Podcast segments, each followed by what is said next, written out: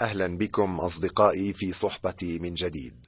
أتطلع أن أقضي معكم وقتا مفيدا إذ أدعوكم حتى تدرسوا معي فقرة جديدة من سفر الخروج.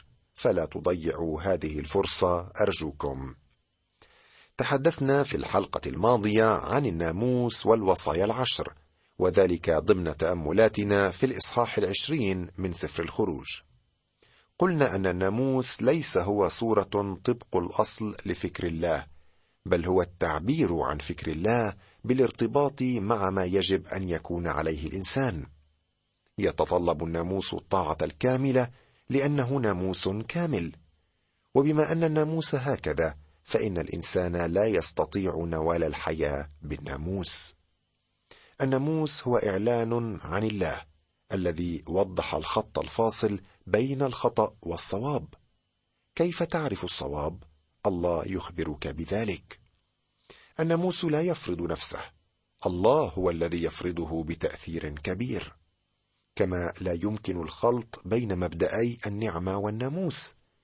عندما تضع الناموس والنعمة في نفس الكفة فإنك تسلب الناموس عظمته ومعناه. لا يوجد محبة ولا نعمة في الناموس. كما أن النعمة تسلب من صلاحها ومجدها إذا ما اختلطت بالناموس تخلع عنها روعتها وجاذبيتها. كذلك فإن احتياجات الخاطئ لا تسد عندما يختلط الناموس بالنعمة. الناموس يضع أمامنا ما يجب أن يكون عليه الإنسان. أما النعمة فتخبرنا من هو الله. الناموس يقرر الواجب على الإنسان والنعمة تظهر لنا حقيقة الله. الناموس مرآة كما رأينا تكشف عن حالة الإنسان الفاسدة. كثيرون ينظرون إلى أنفسهم في المرآة ويظنون أنهم على ما يرام. لم يجعل الناموس من أي إنسان رجلا خاطئا ولكنه كشف عن الحقيقة أن الإنسان خاطئ. رأينا أن الوصايا العشر تنقسم إلى قسمين رئيسيين. القسم الأول يتعامل مع علاقة الإنسان بالله والقسم الثاني يتعامل مع علاقة الإنسان بأخيه الإنسان. قلنا أن الله يدين الشرك وتعدد الآلهة. أي شيء تعطي نفسك له بكل انغماس يعتبر إلها لك. هناك من يعبد الخمر والجنس والمال. يجب أيضا عدم النطق باسم الله باطلا. ثم رأينا الوصيه عن السبت. بعد ذلك تحدثنا عن الوصايا الاجتماعية. يجب أن يحصل الأب والأم على احترام وتقدير الأبناء. لا تقتل لا تزني لا تسرق لا تشهد بالزور ولا تشتهم لغيرك. وصايا موجهة للفرد. إذا كان بإمكانك أن تزني فسيكون بإمكانك أن تسرق وتقتل إلى آخره. المسألة عبارة عن رزمة واحدة. إذا أخطأت في واحدة فأنت تخطئ في الكل. لقد أعطى الله أبناء الشعب القديم الشريعة الأدبية التي هي الوصايا العشر. ولكن يوجد في الناموس أكثر من الوصايا العشر. الله سيعطيهم جزءا هاما من هذا الناموس يتعامل مع الشرائع الاجتماعية. كما أنه سيعطيهم إرشادات تخص المذبح وبناء خيمة الاجتماع. يعطينا سفر اللاويين تفصيلا للخدمة في خيمة الاجتماع وهذه كلها جزء من الناموس في رزمة واحدة. نتابع قراءة ما تبقى من الأصحاح العشرين بدءا من العدد الثامن عشر. وكان جميع الشعب يرون الرعود والبروق وصوت البوق والجبل يدخن. ولما رأى الشعب ارتعدوا ووقفوا من بعيد وقالوا لموسى تكلم أنت معنا فنسمع ولا يتكلم معنا الله لئلا نموت. فقال موسى للشعب لا تخافوا لأن الله إنما جاء لكي يمتحنكم ولكي تكون مخافته أمام وجوهكم حتى لا تخطئوا. فوقف الشعب من بعيد وأما موسى فاقترب إلى الضباب حيث كان الله. فقال الرب لموسى هكذا تقول لبني إسرائيل أنتم رأيتم أنني من السماء تكلمت معكم. لا تصنعوا معي آلهة فضة ولا تصنعوا لكم آلهة ذهب. مذبحا من التراب تصنع لي وتذبح عليه محرقاتك وذبائح سلامتك غنمك وبقرك. في كل الأماكن التي فيها أصنع لاسم ذكرا آتي إليك وأباركك. وإن صنعت لي مذبحا من حجارة فلا تبنه منها منحوته إذا رفعت عليها إزميلك تدنسها. ولا تصعد بدرج إلى مذبحي كي لا تنكشف عورتك عليه. عندما رأى أبناء الشعب البروق والرعود خافوا وابتعدوا عن الجبل. فقال موسى للشعب لا تخافوا لأن الله إنما جاء لكي يمتحنكم ولكي تكون مخافته أمام وجوهكم حتى لا تخطئوا. قدم الناموس مقياسا عاليا لأنه ناموس كامل ويتطلب الكمال. وإذا كنت تحاول الحصول على الخلاص عن طريق حفظ الناموس فعليك أن تكون كاملا وإلا فلن تخلص بواسطة الناموس. أشكر الله أنه بالنعمة يستطيع أن يقبل أثيما مثلي ويخلصني. نعم النعمة حقا تكشف عن صلاح الله وروعته. من المهم أن نرى لماذا ظهر الله بهذا الشكل للشعب. كان يريد أن يشدد على الحقيقة أنه الإله الحي. تذكر أنهم تربوا في مصر بين الأوثان وبذلك عبدوا الأصنام. عبدوا المخلوق دون الخالق. والآن فإن الله يتحرك بقرب أكثر تجاه هؤلاء الناس. مع الوصايا العشر أعطى الله الشعب إرشادات تختص بالمذبح الذي تقدم عليه الذبائح. ويحكي المذبح عن الرب يسوع والدم الذي سفكه. كان هذا المذبح هو ما بنوه قبل خيمة الاجتماع. في كل مرة ارتحلوا فيها كانوا يبنون مذبحا. فقط عندما عملوا خيمة الاجتماع قاموا بصنع مذبح دائم نقلوه مع الخيمة حيثما ارتحلوا.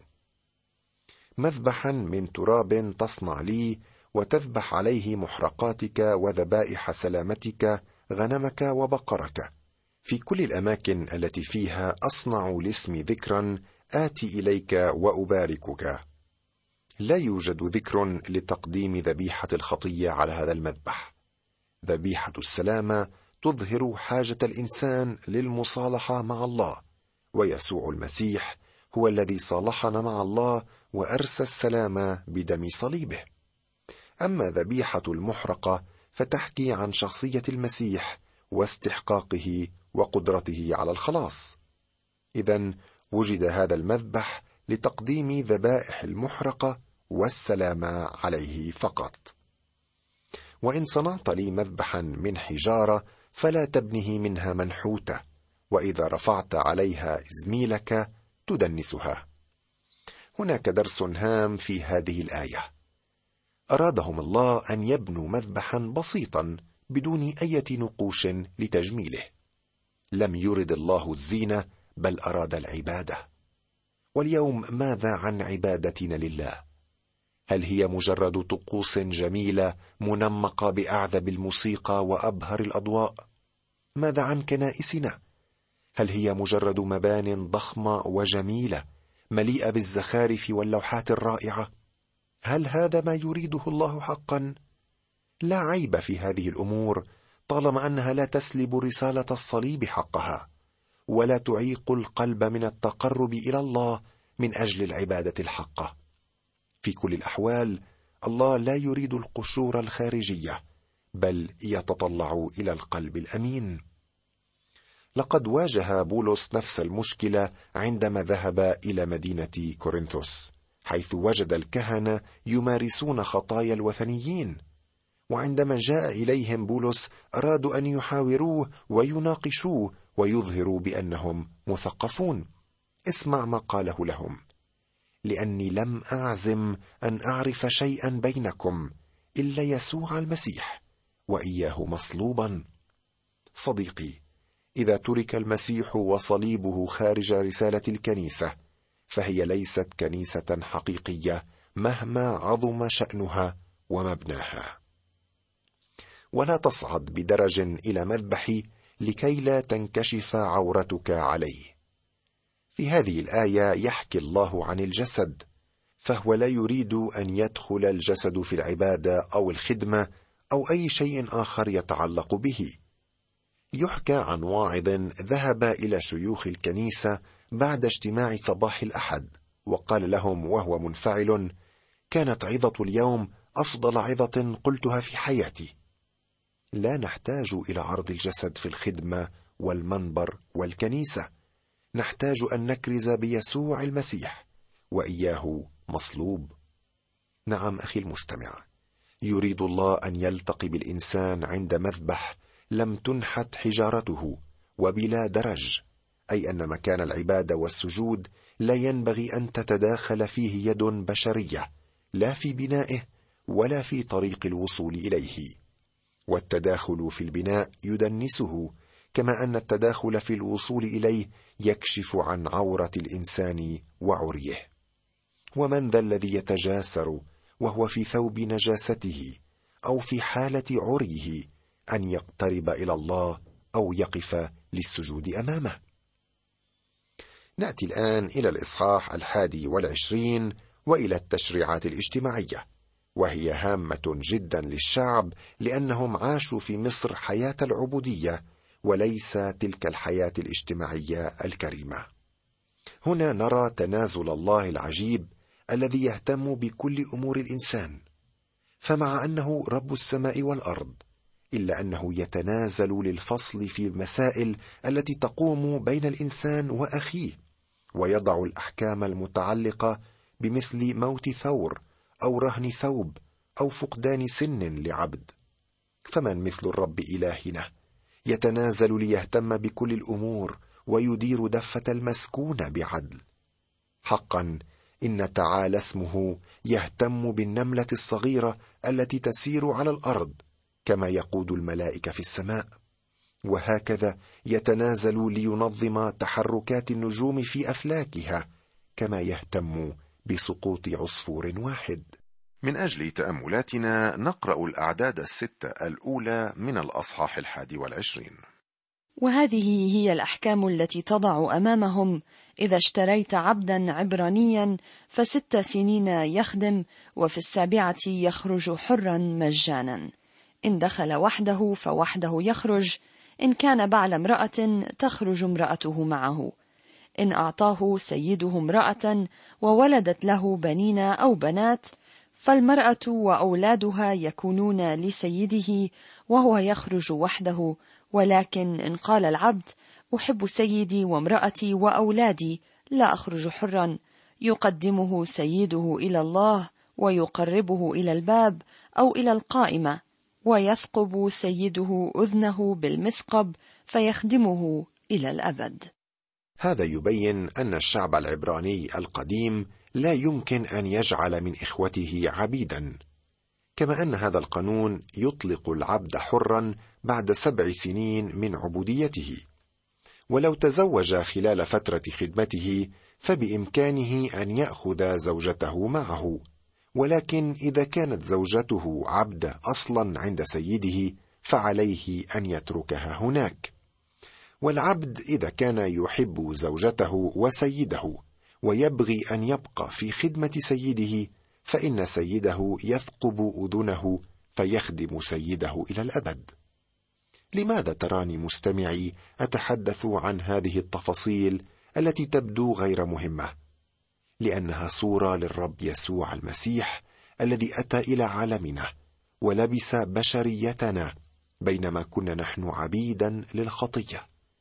كان بإمكانه أن يتركنا ويرجع إلى السماء وإلى مجده الرفيع دون أن يجتاز أبواب الموت. لم يكن مجبرا أن يذهب إلى موت الصليب ولكنه نزل إلى الأرض طوعا وصار مثلنا. وإذ وجد في الهيئة كإنسان وضع نفسه وأطاع حتى الموت موت الصليب. يخبرنا المزمور الأربعون من عدد ستة إلى ثمانية ما يلي. بذبيحة وتقدمة لم تسر. أذني فتحت. محرقة وذبيحة خطية لم تطلب. حينئذ قلت ها أنا ذا جئت. بدرج الكتاب مكتوب عني. أن أفعل مشيئتك يا إلهي سررت وشريعتك في وسط أحشائي. وهنا الحديث عن المسيح كما يؤكده كاتب رسالة العبرانيين في العهد الجديد. أقرأ لك من الإصحاح العاشر والعدد الخامس. لذلك عند دخوله إلى العالم يقول ذبيحة وقربانا لم ترد ولكن هيأت لي جسدا بمحرقات وذبائح للخطيه لم تسر. ثم قلت ها أنا ذا أجيء في درج الكتاب مكتوب عني لأفعل مشيئتك يا الله. إذ يقول انفا إنك ذبيحة وقربانا ومحرقات وذبائح للخطيه لم ترد ولا سررت بها. التي تقدم حسب الناموس. ثم قال ها أنا ذا أجيء لأفعل مشيئتك يا الله. ينزع الأول لكي يثبت الثاني. لقد اختار يسوع أن يخدمنا ولم يشأ أن يطلق حرا بدوننا لأنه أحب عروسه وأحب الخطاة. من هنا أطاع حتى الموت موت الصليب ليخلصنا من عبودية الخطية. يا لها من صورة رائعة للمسيح. نراها في إعطاء الناموس. نقرأ الآن من العدد الثاني عشر وحتى التاسع عشر من الأصحاح الحادي والعشرين. من ضرب إنسانا فمات يقتل قتلا ولكن الذي لم يتعمد بل أوقع الله في يده فأنا أجعل لك مكانا يهرب إليه. وإذا بغى إنسان على صاحبه ليقتله بغدر فمن عند مذبح تأخذه للموت ومن ضرب أباه أو أمه يقتل قتلا ومن سرق انسانا وباعه أو وجد في يده يقتل قتلا ومن شتم أباه أو أمه يقتل قتلا. وإذا تخاصم رجلان فضرب أحدهما الآخر بحجر أو بلكمة ولم يقتل بل سقط في الفراش فإن قام وتمشى خارجا على عكاسه يكون الضارب بريئا إلا أنه يعوض عطلته وينفق على شفائه. من ضرب انسانا فمات يقتل قتلا. هذه الآية هي أساس الحكم بالإعدام. كثيرون يعتقدون أن الوصية لا تقتل تنطبق على الحكومات بعدم المعاقبة بالإعدام ولكن هذا غير صحيح. ولكن الذي لم يتعمد بل أوقع الله في يده فأنا أجعل لك مكانا يهرب إليه. كان هناك ست مدن للملجأ في الأرض موزعة بطريقة مناسبة ليهرب إليها القاتل حتى تتم تسوية المسألة. وسنتحدث عن هذه المدن في دراسات لاحقة. وإذا بغى إنسان على صاحبه ليقتله بغدر فمن عند مذبح تأخذه للموت. إذا ارتكب إنسان ما جريمة قتل متعمد فإنه يقتل. أما إذا قتل وهو يدافع عن نفسه بدون قصد فإنه لا يقتل. ومن ضرب أباه أو أمه يقتل قتلا. هذه حماية الله للبيت. ومن سرق انسانا وباعه أو وجد في يده يقتل قتلا. الله لم يوافق ابدا على العبودية بل أدانها. كان الأمر شائعا في تلك الأيام وتعامل الله معه. كذلك فإن المسؤول عن الإساءة الجسدية عليه أن يعوض المسيء إليه عن الوقت والتكاليف الطبية. هذه الشرائع والشرائع الأخرى الموجودة في بقية الإصحاح تشكل أساس القوانين في عالمنا اليوم وهو فعلا أساس جيد لأمة متحضرة. يلخص العددان الرابع والعشرون والخامس والعشرون كل الموضوع. وعينا بعين وسنا بسن ويدا بيد ورجلا برجل وكيا بكي وجرحا بجرح وردا برد بكلمات أخرى هذا هو قانون التبادل. لا بد من إرساء القانون من أجل النظام وحماية الحياة البشرية والممتلكات. وهنا نجد الله يرسي أحكامه بكل دقة وصرامة لأن الناموس كامل. كل مسألة وكل عقدة وكل مطلب صدرت عنها أحكام بدون محاباة أو تمييز بين غني وفقير وبين شريف ووضيع لأن الميزان الذي وزنت فيه تلك الأمور كان ميزانا إلهيا دقيقا. من ناحية أخرى تكشف لنا هذه التفاصيل انحطاط الإنسان وفساد قلبه. نعم الإنسان قابل لارتكاب الجرائم والمخالفات والمحرمات. لقد انحط إلى أسفل درجات الرذيلة وانغمس في الفساد من رأسه إلى أخمص قدمه فلم تعد في جسمه نقطة خالية من الشر. ولكن شدة الإثم أظهرت كمال فاعلية دم المسيح. الكافي لتطهير الإنسان. وأول الخطاه يقدر عند إيمانه بالمسيح أن يتمتع بتطهيره. شكرا لله أننا لا نعتمد على الناموس في خلاصنا. يوجد من يمد لنا يد النعمة لخلاصنا. إنه شخص الرب يسوع المسيح. أتركك في سلامه ورعايته وإلى اللقاء.